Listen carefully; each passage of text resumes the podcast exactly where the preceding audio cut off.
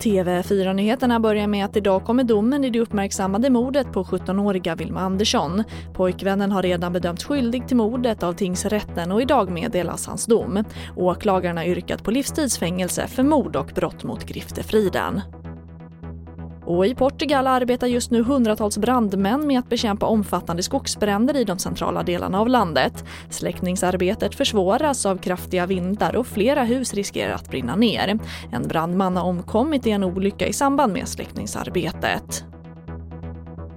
Och den kände tyske socialdemokraten Hans-Jochen Vogel har avlidit 94 år gammal. Vogel var partiledare för det socialdemokratiska SPD och blev bland annat känd som justitieminister när den vänsterextrema Röda armén, fraktionen, var aktiv på 70 och 80-talet. Och vi avslutar med att under första halvåret i år har nästan 5 000 rättsliga förhandlingar ställts in till följd av coronapandemin, det rapporterar SVT. Statistik från Domstolsverket visar att 39 av Sveriges 48 tingsrätter genomfört färre förhandlingar hittills i år jämfört med samma period förra året. TV4-nyheterna med mig Charlotte Hemgren.